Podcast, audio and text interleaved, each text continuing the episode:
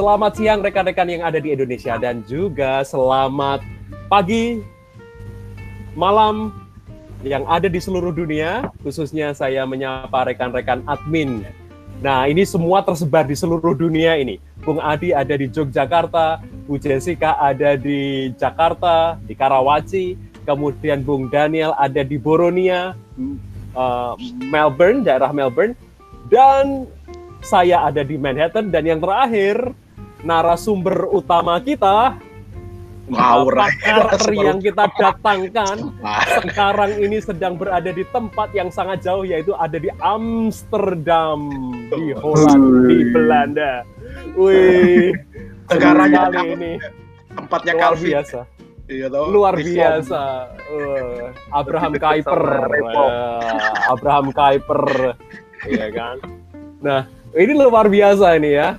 Admin teologi ini tersebar di seluruh penjuru dunia dan kita bersama-sama kumpul untuk membahas satu tema, tema yang klasik. Tema yang uh, sering menjadi kontroversi, tetapi juga tema yang kadang-kadang belum didekati, belum dipahami, tetapi sudah dijauhi. Begitu. Ada orang-orang, ada STT-STT yang saking getolnya di satu sisi, saking getolnya dengan satu orang ini, seolah-olah mengatakan bahwa kami itu sudah punya posisi ini, gitu. tapi belum pernah mendalami pemikiran tokoh ini. Tapi di sisi yang lain juga ada STT-STT yang mau escape dari pemikiran tokoh ini dan merasa bahwa pemikiran tokoh ini sama sekali tidak uh, berguna, tidak berfaedah, tidak kontekstual, tidak zamannya lagi, uh, kurang posmo dan sebagainya dan seterusnya. Nah, karena itu hari ini uh, admin teologi memberanikan diri untuk mendekati kembali pemikiran tokoh yang bernama Johannes Calvin, salah satu reformator besar Eropa abad ke-16 dalam uh, karyanya yang sangat terkenal. Dan kita akan berfokus kepada satu hal yaitu pemikiran Calvin mengenai keselamatan. Nah, lalu juga untuk memberikan frame buat kita supaya percakapan tidak terlalu panjang ini dan tidak terlalu lebar, maka kami uh, akan membahas bukan hanya Calvin, Calvin adalah pertama, yang pertama, tetapi juga nanti tokoh-tokoh yang lain, yaitu dari buku uh, ini, rekan-rekan semua ya, Christian Theologies of Salvation, yang diedit oleh um, Justin Holcomb, seorang uh, profesor yang mengajar di Gordon Conwell Theological Seminary. Nah, kenapa buku ini? Karena buku ini cukup baru, baru tahun lalu diterbit. Oh, sorry, dua tahun lalu 2017. Dan buku ini adalah antologi, jadi bukan hanya satu orang, bukan hanya satu tradisi, tetapi banyak tradisi. Nah, pengantar saya cukup panjang, tetapi paling tidak nanti teman-teman tahu bahwa ketika kita membahas mengenai seri soteriologi, uh, kebanyakan nanti kita akan membahasnya dari buku ini. Buku ini tidak perfect, tetapi paling tidak memberikan perspektif bagi kita untuk diskusi lebih lanjut. Nah, sekarang kita akan masuk kepada tokoh yang menjadi pokok bahasan kita. Dan bersama dengan kita, yaitu tiga orang rekan yang um, saya boleh katakan berasal dari tradisi Calvinis, Reform, dan juga mendalami pemikiran Calvin. Yang pertama, saya akan perkenalkan narasumber utama kita, yaitu Bung Perdianto Manan. Bagi uh, kami tidak ada orang yang lebih Calvinis daripada Bung Perdianto Manan karena dia dibesarkan uh, di tradisi uh, Calvinis uh, di gereja Toraja dan juga kemudian uh, bertumbuh juga uh, mengenal teologi reform lebih lanjut ketika beliau itu berkuliah di Surabaya.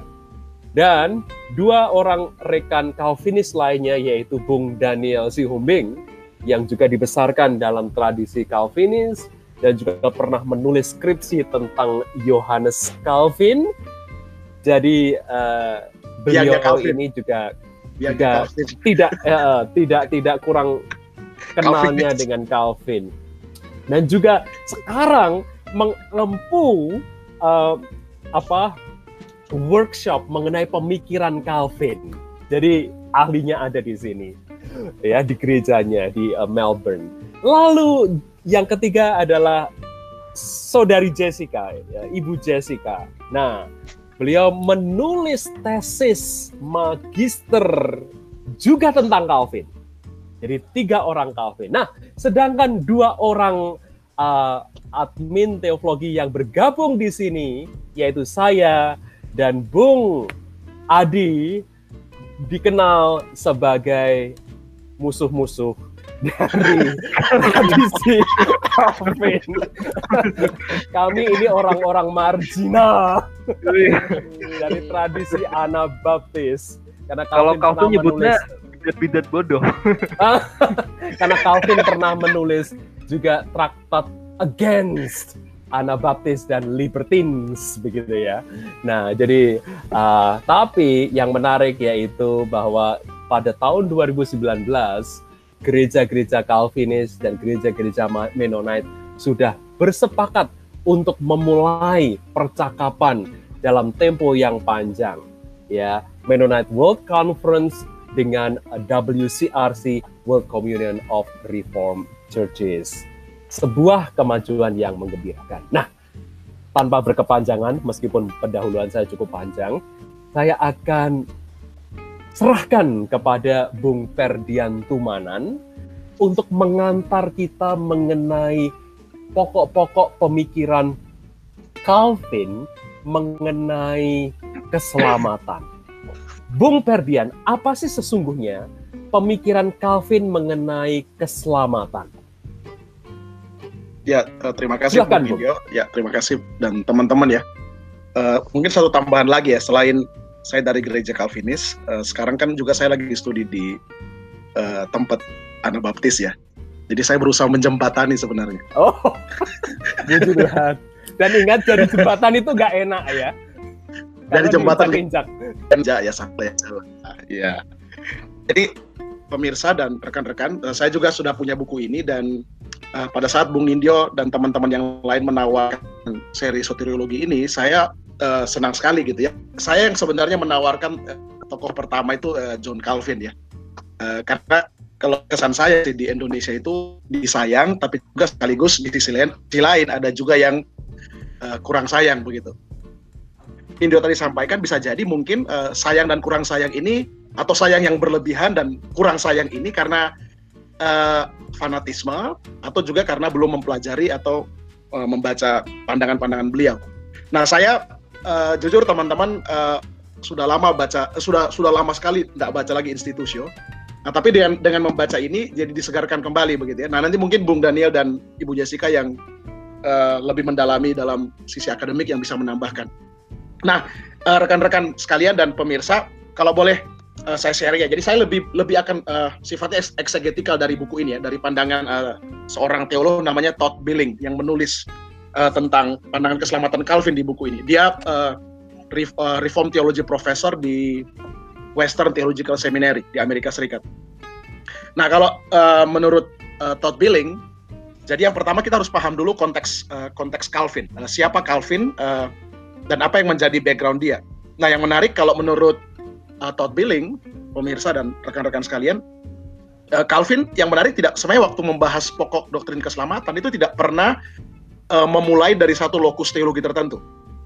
Uh, seperti mungkin teolog-teolog lain atau mungkin sekarang juga ya banyak teolog-teolog pada saat mendiskusikan doktrin keselamatan itu biasanya memulai dari satu lokus tertentu, misalnya predestinasi. Keselamatan adalah predestinasi. Nah, kemudian dari situ dari lokus itu kemudian uh, dideduksi, dikembangkan begitu. Nah, yang menarik uh, Todd bilang bilang Calvin tidak seperti itu karena sejatinya uh, Calvin ini bukan seorang systematic theologian sebenarnya. Jadi uh, Calvin ini seorang exeget, uh, dia seorang apa exeget itu ya? Uh, ahli tafsir ya. Dia seorang penafsir firman Tuhan, penafsir Alkitab sebenarnya. Jadi uh, dia dia suka dengan Alkitab dan suka untuk menafsir Alkitab. Dan tujuan utama Calvin sebenarnya adalah pastoral uh, untuk tujuan pengembalaan. Nah bahkan uh, Todd Billing mengatakan um, institusio pun sebenarnya awal awal mulanya uh, nanti mungkin teman-teman bisa menambahkan ya itu ditulis untuk tujuan pastoral. Jadi pada saat misalnya kita menganggap institusio pertama-tama sebuah karya teologi seperti sistematika, uh, bagi Todd bilang nggak kurang tepat sebenarnya. Walaupun dalam development berikutnya ya, itu bisa dikatakan seperti itu, tapi awal mulanya itu dia menurut Todd Billing itu sebuah uh, begitu ya. Karena itu uh, menurut Todd Billing pandangan keselamatan atau doktrin keselamatan John Calvin itu seperti sebuah development, ada ada sebuah sebuah kembangan. Nah, kalau boleh saya simpulkan lebih jauh, uh, Todd Billing ingin mengatakan juga, jadi doktrin keselamatan bagi Calvin itu seperti satu pokok uh, penting, satu pokok khusus begitu ya, dan kemudian uh, losai teologi yang lain itu uh, dipercakapkan dalam dalam pokok doktrin keselamatan. Jadi misalnya uh, misalnya bahkan lokus-lokus uh, yang dianggap bagi banyak orang bukan pokok keselamatan ya, misalnya Tritunggal. Calvin berdiskusi di situ. Kemudian misalnya uh, creation.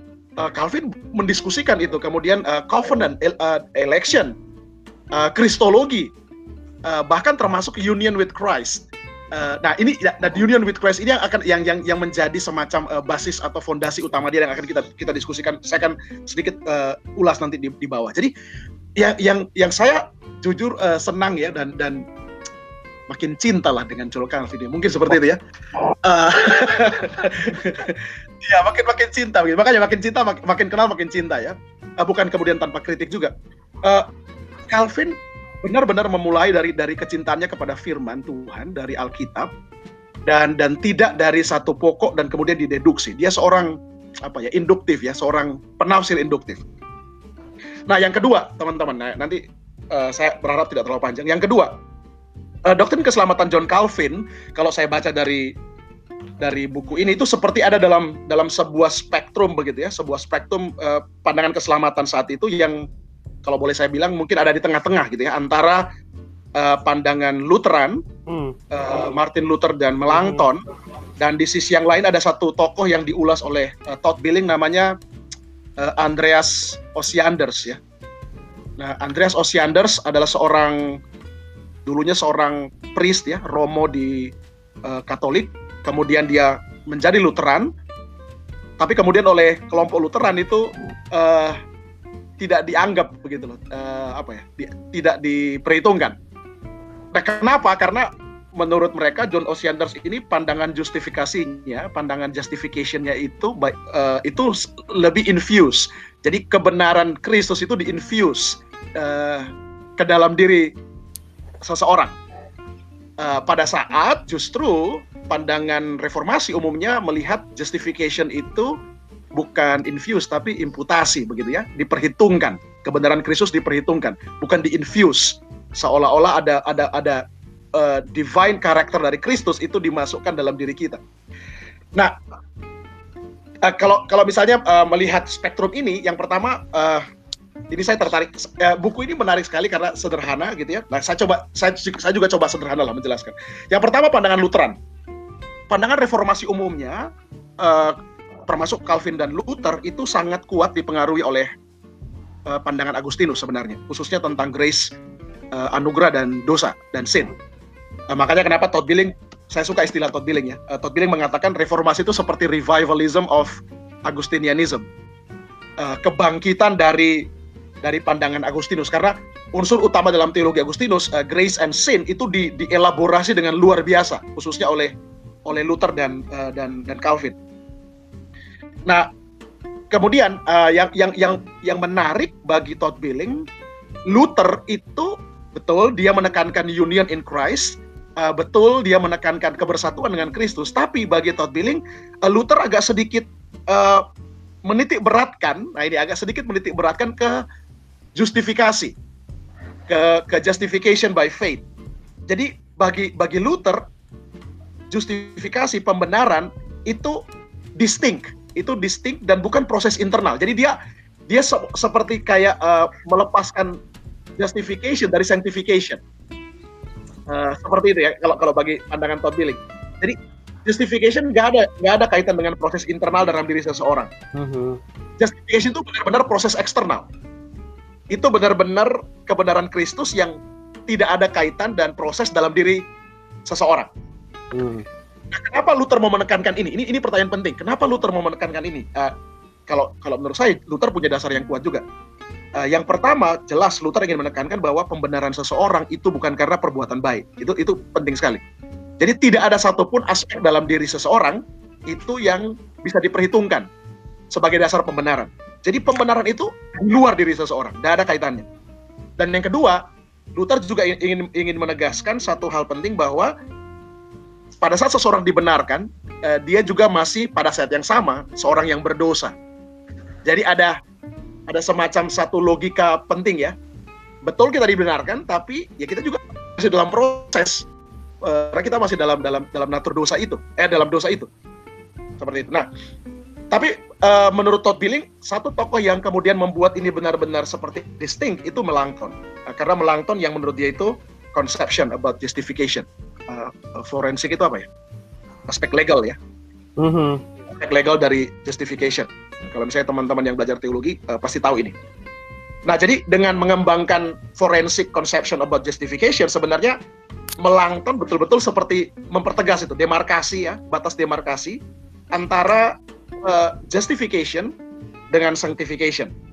Jadi justification itu proses legal, proses yang berkaitan dengan status seseorang di hadapan Allah, dia dideklar sebagai seorang yang dibenarkan dan sanctification itu proses internal renewal yang dikerjakan oleh Holy Spirit. Dan ini distinct, ini distinct. Dan lagi-lagi dasarnya apa? Dasarnya adalah uh, kalau bagi Todd Billing dia mengatakan sedikit saja, sedikit saja aspek uh, kebaikan dalam diri seseorang menjadi basis pembenaran, maka kebenaran Kristus itu nothing, menjadi nothing. Nah, karena itu penting ini distinction ini, ini penting. Nah, sekarang bagaimana dengan Calvin? Bagaimana dengan Calvin? Nah, ini, waduh, ini ini ya makanya kenapa saya saya makin jatuh cinta teman-teman dengan Calvin ya. iya, beneran ya. Uh, ya terlepas dari banyak kontroversinya lah. Uh, yang pertama begini, teman-teman. Um, jangan salah, Calvin tidak melepaskan diri teologi reformasi dan Calvin sepakat 100% bahwa kebenaran itu bukan di-infuse itu sebabnya itu kontroversi ada yang mengatakan John Calvin dengan uh, Andreas Osiander ya, yang yang mengatakan bahwa kebenaran Kristus itu diinfuse dan dia sampai menulis itu ya. Bahkan setelah uh, Andreas Osiander meninggal uh, 1552 Calvin menulis itu sampai 1559 karena dia seperti tidak puas. Saya harus klarifikasi ini bahwa saya tidak ada kaitan dengan itu. Bahkan dia mengkritik habis-habisan uh, Andreas Osianders. Nah, jadi Calvin pertama-tama uh, pemirsa dan rekan-rekan Eh, tegas mengatakan bahwa dia dalam inline, dalam jalur reformasi. Dia sejalan dengan uh, uh, Martin Luther dan dan lain-lain. Uh, hanya saja, lagi-lagi uh, penelitian Calvin itu seperti satu trajectory development.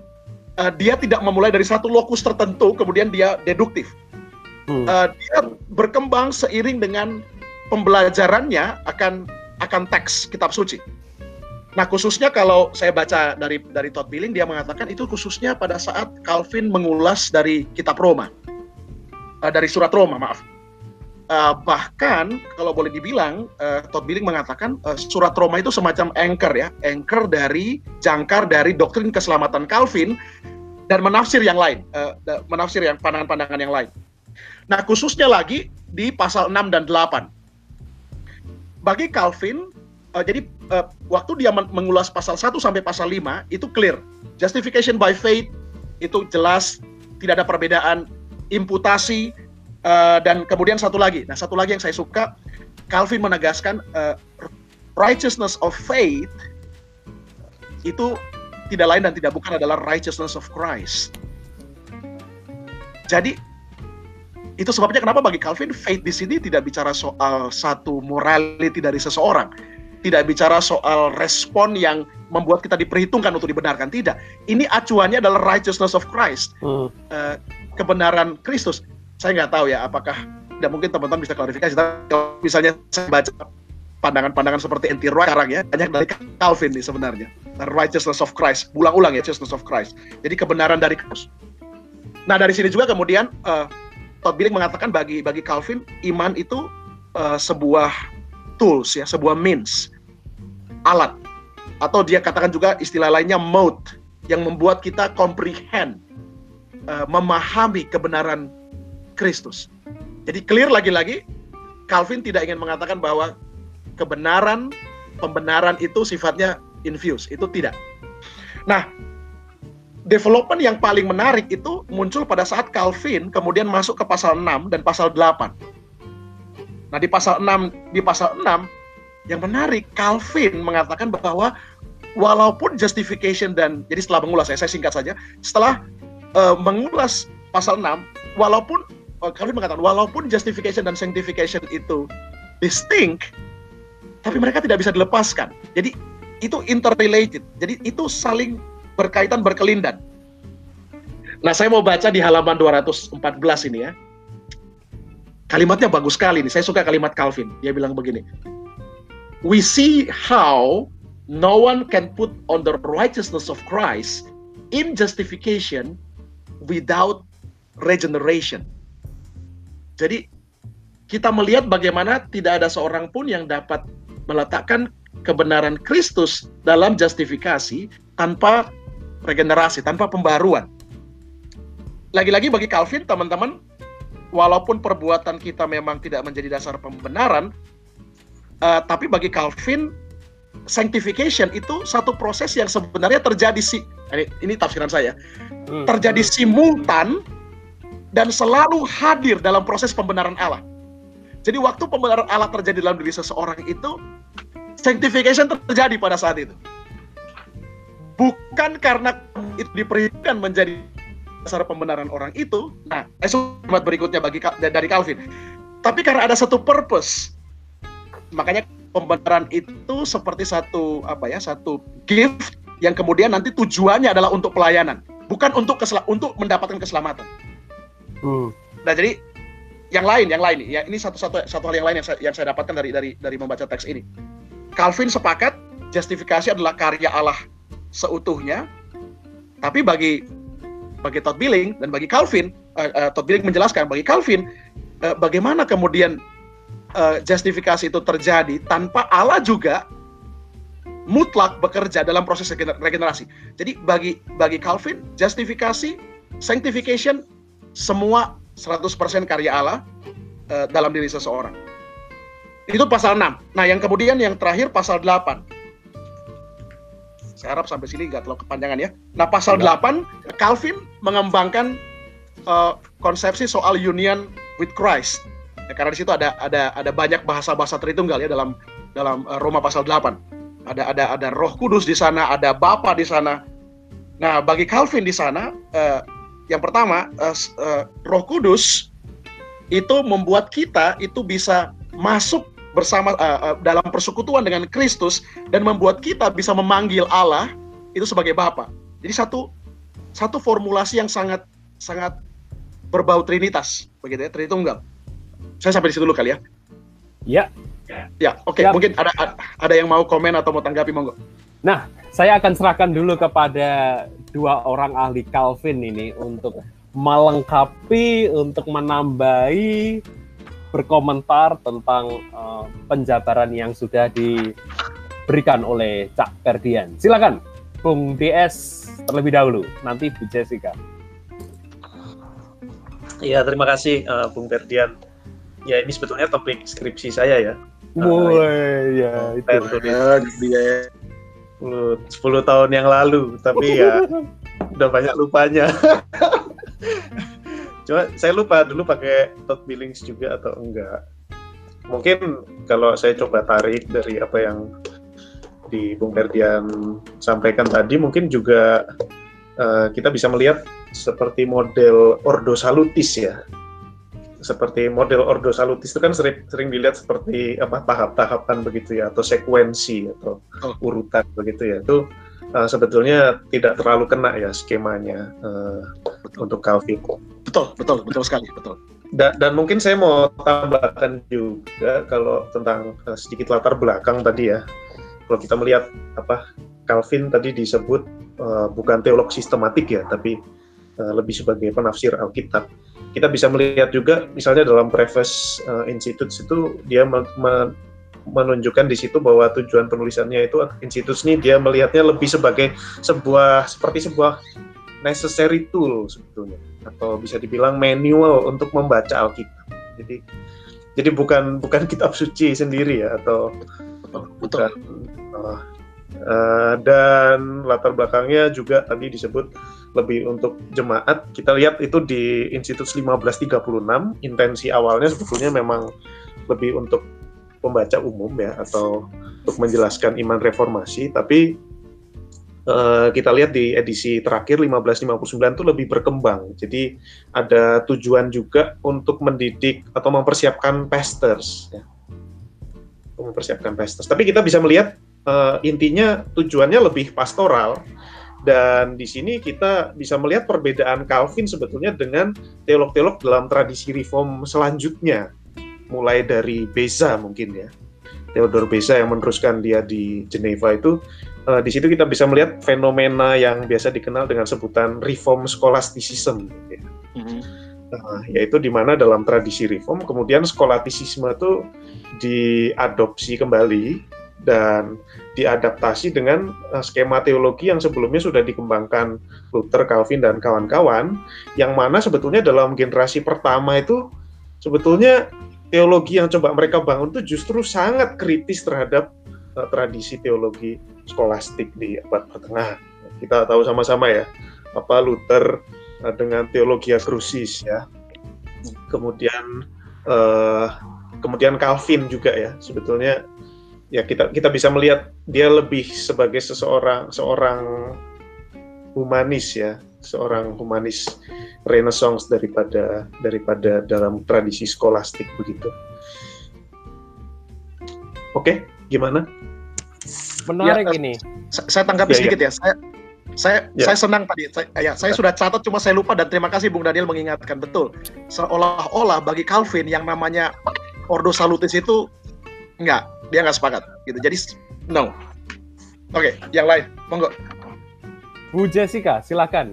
Sebenarnya sih tadi saya responnya agak mirip dengan Bung DS mengenai Ordo Salutis itu kan. Kalau Ordo Salutis kan ada regenerasi, justifikasi, konversi, sang, sanktifikasi sama ketekunan ya. Tapi kayaknya kalau kita melihat dari tulisannya Billingstus uh, dia lebih fokus kepada uh, justifikasi sama sanctification gitu ya.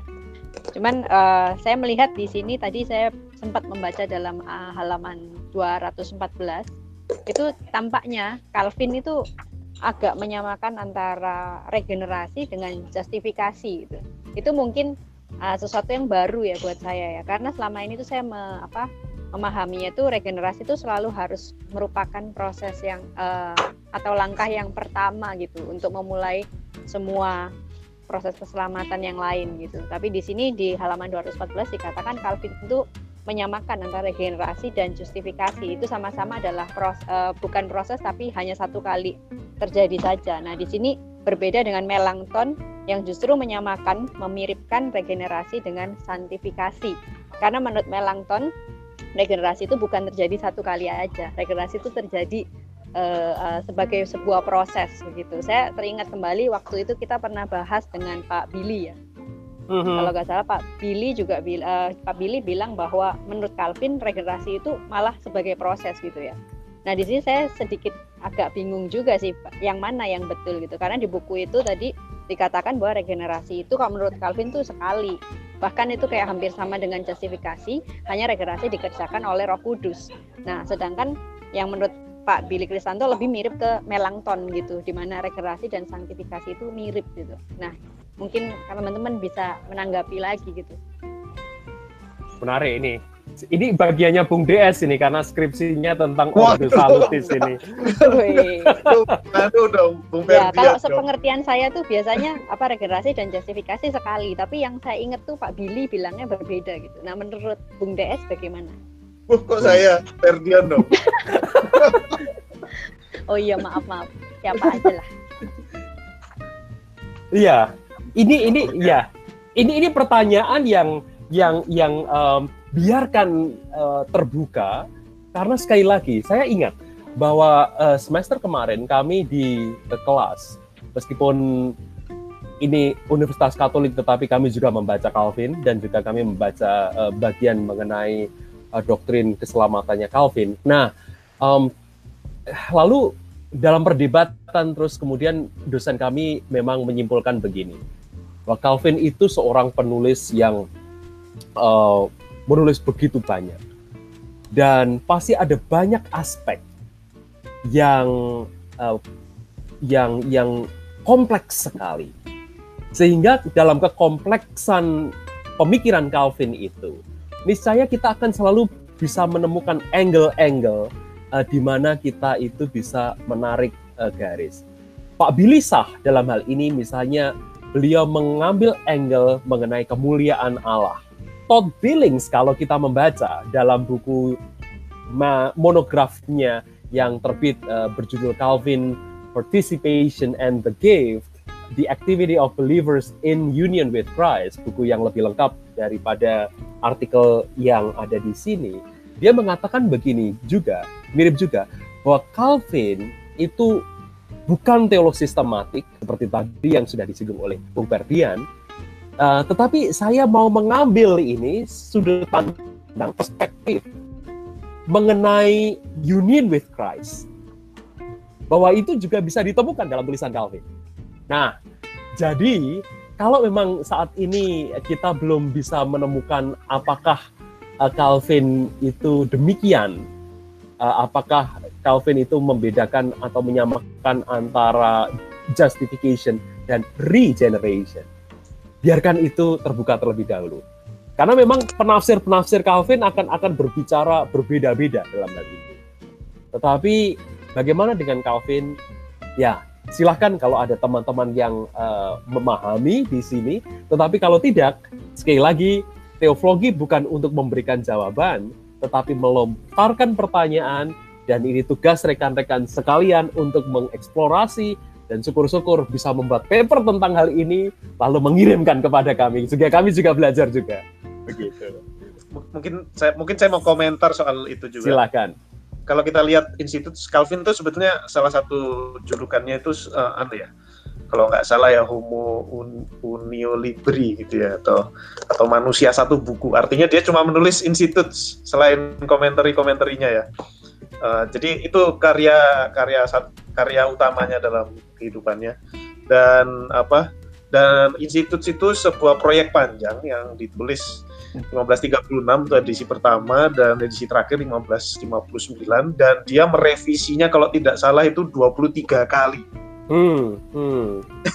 Dan perombakannya itu cukup cukup apa cukup uh, cukup banyak gitu sebetulnya.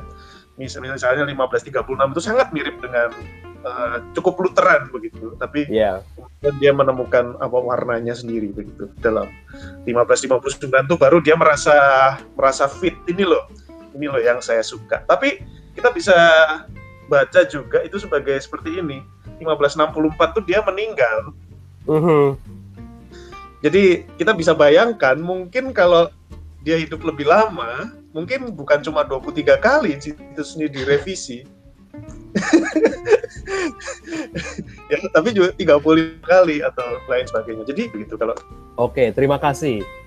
Nah, apakah Bung Adi mau memberikan komentar terlebih dahulu di sini? Belum, belum dulu, belum dulu. Oke, oke. Lanjut, lanjut dulu aja. Uh, lanjut dulu ya. Nah, uh, ini rekan-rekan, kalau saya membaca di sini, nah ini ini mohon uh, bantuan rekan-rekan juga untuk untuk memahami, untuk untuk kita kita kita mendiskusikannya. Yang saya tertarik sekali lagi ini tafsirnya Todd Billings dan uh, bagaimana cara Todd Billings membaca Calvin. Bagi Todd Billings, dia melihat unio mistika uh, bersama Kristus, ke kesatuan uh, orang percaya dengan Kristus itu sebagai jantung keselamatannya Calvin dan di situ dia menemukan apa yang ia sebut sebagai double grace bahwa justification tidak bisa dipisahkan dengan sanctification sama seperti dua natur Kristus, halaman 215. Ini ini yang menarik sekali bagi saya. Karena dia bisa melihat kesejajaran antara double grace tersebut dengan two natures of Christ defined by Chalcedon as without confusion or mixture and yet without division and without separation. Jadi dia bagi Todd Billings keutuhan sanctification dan uh, sorry justification dan sanctification itu seperti two natures of Christ. Saya hanya merenungkan begini ini rekan-rekan.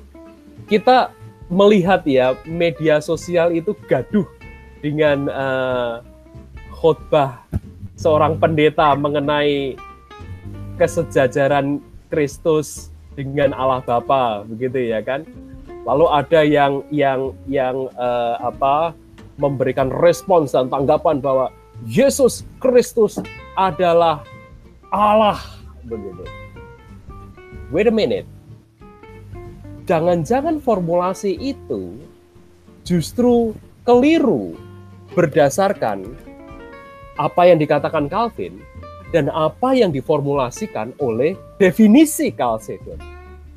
Mengapa? Karena Chalcedon dengan jelas mengatakan bahwa Kristus memiliki natur Allah dan manusia. Atau kalau kita kembali kepada formulasinya Anselmus, cur deus homo. Dan saya tidak setuju dengan uh, mengapa Allah menjadi manusia, tetapi mengapa Allah manusia. Jadi dua entitas, kalau saya boleh mengatakan, dua natur ini tidak bisa dipisahkan. Jadi ketika seorang me, me, mengatakan dan mempertahankan Yesus adalah Allah, jangan-jangan di situ malah justru secara tidak sadar orang ini malah masuk kepada heretisme yang dia sendiri tidak disadari. Entahkah itu boleh disebut sebagai monofisitisme, ya kan? Mm -hmm. Bahwa natur Allah kealahan Kristus itu merengkuh kemanusiaannya sehingga yang kelihatan itu adalah satu uh, pribadi yaitu Kristus yang adalah ilahi. Tetapi di sini kembali lagi apa yang dikatakan oleh Todd Billings. Ketika Calvin bagi Todd Billings merenungkan double grace ini, justification dan sanctification sebagai dua anugerah yang tidak bisa dipisahkan. Dan di situlah justru kita akan bisa melihat, merefleksikan bagaimana seorang yang percaya itu diselamatkan dalam arti dia dirangkul sepenuhnya oleh pribadi Kristus yang adalah Allah manusia. Nah, itu yang saya dapatkan teman-teman. Mohon uh, uh, tanggapannya dalam hal ini atau jika saya salah, saya sangat bersuka cita jika uh, dikoreksi. Iya.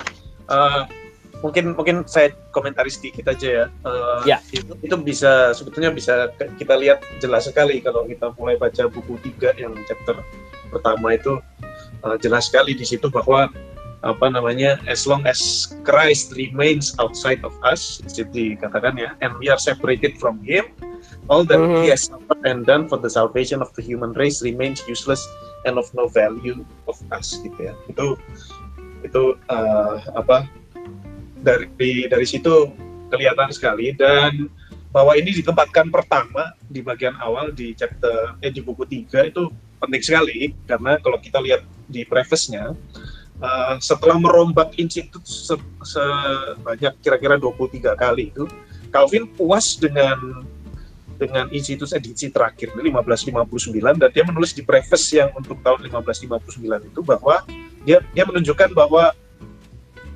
ini ini loh uh, urut-urutan yang yang saya suka sekarang gitu. Jadi ada istilahnya itu order recte docendi atau order of the right teaching. Jadi jadi urutan itu penting sekali dalam dalam membaca institut dan bahwa dan kita melihat bahwa buku tiga itu diawali dengan apa union with Christ ya itu menunjukkan uh, hal itu dan kalau kita lihat di bagian pertama buku tiga itu juga ditulis di situ satu ayat yang dia pakai ya untuk menjelaskan mm-hmm. uh, kesatuan itu kesatuan proses uh, regenerasi pembenaran dan pengudusan itu uh, satu Petrus satu ayat dua mm-hmm. itu bahwa chosen in the sanctification of the spirit unto obedience and sprinkling of the blood of Christ ya kita kita bisa melihat itu ya satu satu ya. satu proses itu sprinkling of the blood of Christ itu mungkin kita bisa baca sebagai imputasi uh, in the sanctification of the spirit ya. Uh, mm-hmm. apa pengudusan dan unto obedience ya, ya itu itu proses proses pengudusan. Ya. Ya. Ya mungkin itu dari saya, saya. ya. Silakan. Bung NS ya. um, terima kasih tadi uh, satu apa ya satu argumentasi yang menarik challenging dari Anda tadi. Dan kalau misalnya kita baca di halaman 221 uh, eh, pandangan Todd Billing, uh, dia juga sebenarnya sempat klarifikasi kan uh, bagaimana Calvin mencoba menjelaskan perbedaan pandangannya dengan uh, Andreas Osianders. Mm-hmm. Uh, misalnya uh, di sini dia di, di, di, di alasan ketiga ya kenapa Calvin menolak pandangan Osianders itu kan ya karena alasan yang seperti Bung Nindyo bilang tadi itu. Yeah. Uh, nah, pandangan infuse uh, righteousness itu menekankan berlebih-lebihan sebenarnya tentang divine divinitas uh, Kristus dan melupakan aspek kemanusiaannya. Jadi kalau nggak salah dia bilang di sini kan, and perhaps most decisively, Calvin complained that Osiander grounds the, justif the justifying work in Christ's divine nature to the exclusion of his human nature. Kemudian kalau nggak salah juga di, di bagian bawahnya itu dia bilang here Calvin argues we are justified in Christ in so far as he was made an atoning sacrifice for us. Yet this act of atonement is not performed simply in the divine nature. Nah ini saya cuma mau tambahkan apa yang tadi uh, Bung Nindyo sudah sampaikan tadi. Ya ya terima kasih terima kasih. Nah, ada lagi yang mau ditambahkan. Dan dan kalau kita melihat uh, chapter itu diakhiri, Bung, dengan uh, perkataan Calvin yang dia menulis begitu kan bahwa that receiving our poverty unto himself Christ has transferred his wealth to us that taking the weight of our iniquity upon himself which mm-hmm. oppressed us he has clothed us with his righteousness dalam hal ini saya seperti mendengar adagium Athanasius atau adagium uh, Ortodoks Timur bahwa Allah menjadi manusia supaya manusia menjadi Allah. Jangan disalah mengertikan. Ini bukan hmm. artinya kemudian Allah uh, manusia terus benar jadi dewata begitu ya. Bukan. Tetapi yang dimaksud di sini adalah tepat seperti yang dikatakan oleh Calvin ini, manusia mengambil bagian dalam kehidupan Allah. Manusia berbagian dalam sifat-sifat Allah. Dan ini juga yang um, saya rasa tidak jauh dengan apa yang tadi disampaikan oleh Bung DS, kutipan uh, dari institutsnya Calvin, buk 3 uh, halaman 538 kalau kita membaca uh, Fort Lewis Battles dan uh, JT Nile itu yang diedit oleh JT Nile. Silakan Bung ya. Sedikit saja uh, ya yang tidak boleh kita lupakan uh, Todd Billing Todd Billing juga menegaskan bahwa uh, pandangan Calvin dan development perkembangan pemikiran dia tentang konsep keselamatan ini tidak boleh dilepaskan dari interaksi dia dengan uh, pemikiran bapak-bapak gereja. Oh. Hmm. Uh, jadi jadi uh, misalnya uh, dia di sini disebutkan misalnya dengan uh, Cyril of Alexandria, kemudian Agustinus dan uh, Bernard Clairvaux. Nah, dan yang saya suka kalimat Todd Billing dia mengatakan uh, bagaimana Calvin walaupun dia dalam dalam garis reformasi tapi juga tidak bisa dilepaskan dari dari sifat katolikismenya ya tanda kutip. Jadi bahwa bahwa ini bukan new new movement, ini bukan bukan satu apa ya satu aliran baru sebenarnya, tapi satu pembaruan, satu reformasi. Ini ini penegasan saja, Bung. Karena saya takut uh, banyak orang-orang yang mengaku Calvinis reform itu seolah-olah melihat Calvin ini membuat satu aliran baru begitu melepaskan diri dari pandangan uh, bapak-bapak pemikiran bapak-bapak gereja. Nanti saya mohon koreksi kalau saya salah, Bung Daniel khususnya. Uh, saya rasa di sini Calvin memang uh, dalam stream humanism, betulkah? Bahwa uh, dalam stream humanism itu terjadi kegairahan untuk untuk kembali kepada yang klasik, tulisan-tulisan klasik dan tulisan-tulisan Bapak Gereja khususnya uh, dipakai dalam pemikiran-pemikiran Calvin dan oleh sebab itu mengapa dalam uh, pemikiran Calvin termasuk ketika Calvin menggali mengenai masalah keselamatan Calvin bukan pemikir yang unik Calvin bukan pemikir yang aneh tetapi juga dia belajar dari bapak-bapak gereja. Dan kritis, dan kritis. Dia mengkritisi juga. Iya, ya, betul. Ya, ya. Betul. Iya, dan iya sebetulnya uh, kita bisa mengatakan ada bukunya itu ya Calvin Student of the Church Fathers ya. Uh, ya, Anthony and Lane. Eh, ya, uh, ya, sebetulnya Calvin dan Luther juga sebetulnya ya itu kan bagian dari upaya mencari legitimasi. Jadi bukan hanya dengan membaca Alkitab, meskipun prinsipnya sola scriptura. Betul. Dan sola scriptura ini mesti diklarifikasi ya. Sola scriptura ini bukan bukan hanya Alkitab, tapi Alkitab sebagai ultimate criterion gitu ya. Hmm. Uh, jadi bukan sole source, tapi ultimate criterion. Dan apa kita bisa bisa melihat mereka mencari juga dari legitimasi dari bapak-bapak gereja gitu untuk menunjukkan bahwa reformasi ini bukan sebuah proyek baru. Jadi justru justru tekanannya itu yang yang mereka getol itu justru pengen membuktikan bahwa betul. ini bukan bukan proyek baru. Betul. Betul, betul sekali, betul, betul. Bahwa ini adalah pembaruan sebetulnya, upaya hmm. pembaruan. Dan Luther sendiri juga sebetulnya nggak mau kan keluar ya awal mulanya, hmm. justru karena ya, dia betul. karena dia dikeluarkan begitu. Betul. Jadi mesti diklarifikasi ini penting soalnya. Jadi semangatnya itu bukan semangat betul keluar, sepakat, sepakat betul. Bukan semangat keluar, tapi membarui dari dalam terus baru ditendang gitu ya. Betul, betul. Dalam hal ini perlu digarisbawahi memang Bung bahwa sola scriptura itu bukan kemudian kita uh, mengeksklusi uh, Bapak gereja seolah-olah kalau sudah bisa mengutip Bapak gereja itu uh, kita lebih bangga begitu kan daripada mengutip Alkitab. Sama sekali enggak. Gitu kan. Karena semangat dari bapak-bapak reformasi juga mau menegaskan bahwa apa yang mereka ajarkan itu selaras dengan pemikiran uh, gereja pada waktu itu. Meskipun yeah. kalau kita melihat juga uh, uh, uh, apa namanya mereka kritis seperti tadi yang dikatakan oleh Bung Bung uh, Perdian. Tetapi bukan berarti bahwa mereka itu jadi pemikir yang aneh hanya berdasarkan pada Alkitab. Dan betul, di sini betul. di sini saya harus mengatakan juga saya perlu uh, kritis terhadap tradisi Anabaptis yang yang soul scripture, lalu kemudian uh, mengabaikan pemikiran-pemikiran yang lain. Cak. Ya, jadi uh, mungkin terakhir terakhir ya, uh, ya. singkat saja, uh, Todd Billing juga um, yang saya suka itu kan, ah, ini kan pertanyaan khasnya Bung Daniel ya, gawe opo sebenarnya ini kan.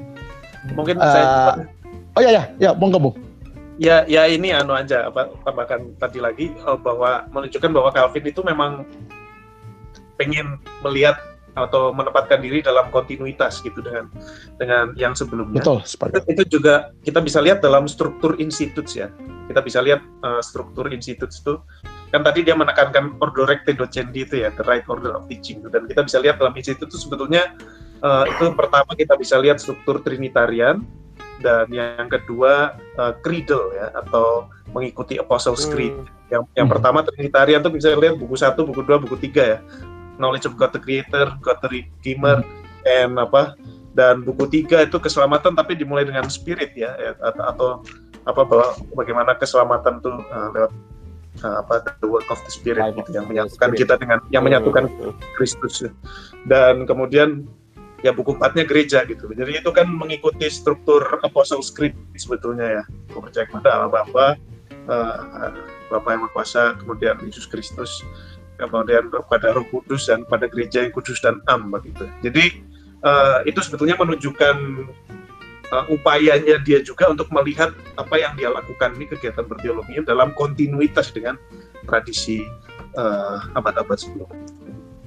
Hmm. Ya, dengan demikian apa yang dikatakan oleh Todd Billings mengenai keselamatan, ini pembacaan Todd Billings mengenai keselamatan menurut Calvin yaitu bahwa uh, seseorang itu telah menerima double grace, anugerah ganda yaitu justification dan sanctification, pembenaran dan uh, pengudusan yang didapatkan melalui persatuan dengan Kristus yang dikerjakan oleh Roh Kudus dan hmm. diterima melalui iman. Nah, itu hmm. itu itu definisinya dari Todd Billings, halaman 209 hmm. kalau kita membaca. Betul. Nah, Bung Adi ini belum bicara sama sekali. Sebelum Bung Ferdian bicara mengenai gawe opo. Monggo Bung Adi, Anda mau kritis gak apa-apa di sini? Oh iya, kritik. Serang. Uh, ya ini suatu hal yang baru ya karena apa ya? Teringat semester 1 semester 2 tuh saya beli buku Institutio uh, tapi yang terjemahannya BPK. Hmm. Dan itu kan kecil banget dan teman juga baca tentang double grace yang dimaksud oleh uh, teman-teman tadi. Dan saya tercerahkan juga karena saya baru tahu juga Calvin ngomong kayak gitu.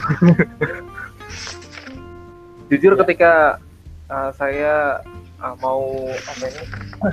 Tadi ketika mas saya bahas tentang bapak gereja dan Calvin yang sebenarnya saya mau ngomong yang sama. Ternyata hal yang dikatakan Calvin itu bukan hal yang baru. Mm -hmm. karena dia meneruskan bapak-bapak gereja dan dia hmm. menghormati tradisi-tradisi itu dan dalam situ juga ya jelas sih uh, walaupun saya pakai bahasa saya sendiri uh, ada teologi dan scripture jadi kita punya pengalaman baca Alkitab itu sendiri mm-hmm.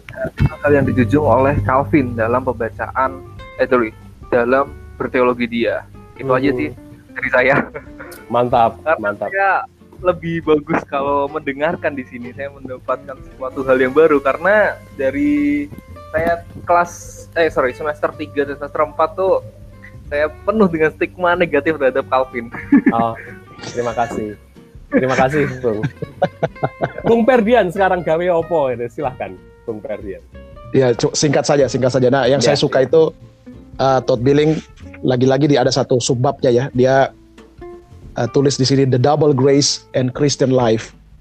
Uh, jadi ya dan Calvin seorang exeget yang memperhatikan aspek pastoral. Jadi bagi bagi Calvin uh, anugerah Allah double grace ini uh, justification sanctification tujuan akhirnya ya Christian life. Dan yang saya kagum di sini adalah soal uh, uh, Todd Billing mengatakan ulang-ulang penekanan Calvin soal doa, soal prayer ya, doa, doa dan doa.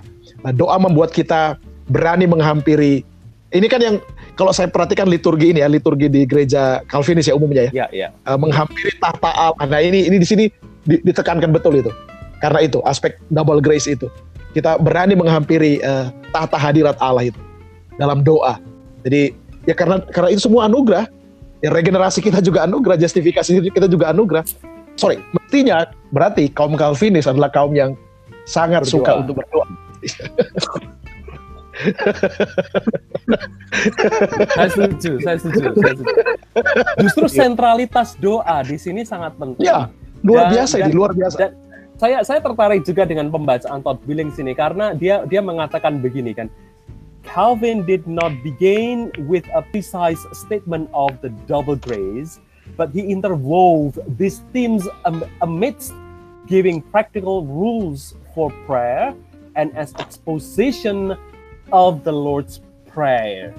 Nah, di sini saya mendengar eko kembali ada gium yang kuno yaitu the rule of prayer determines the rule of faith.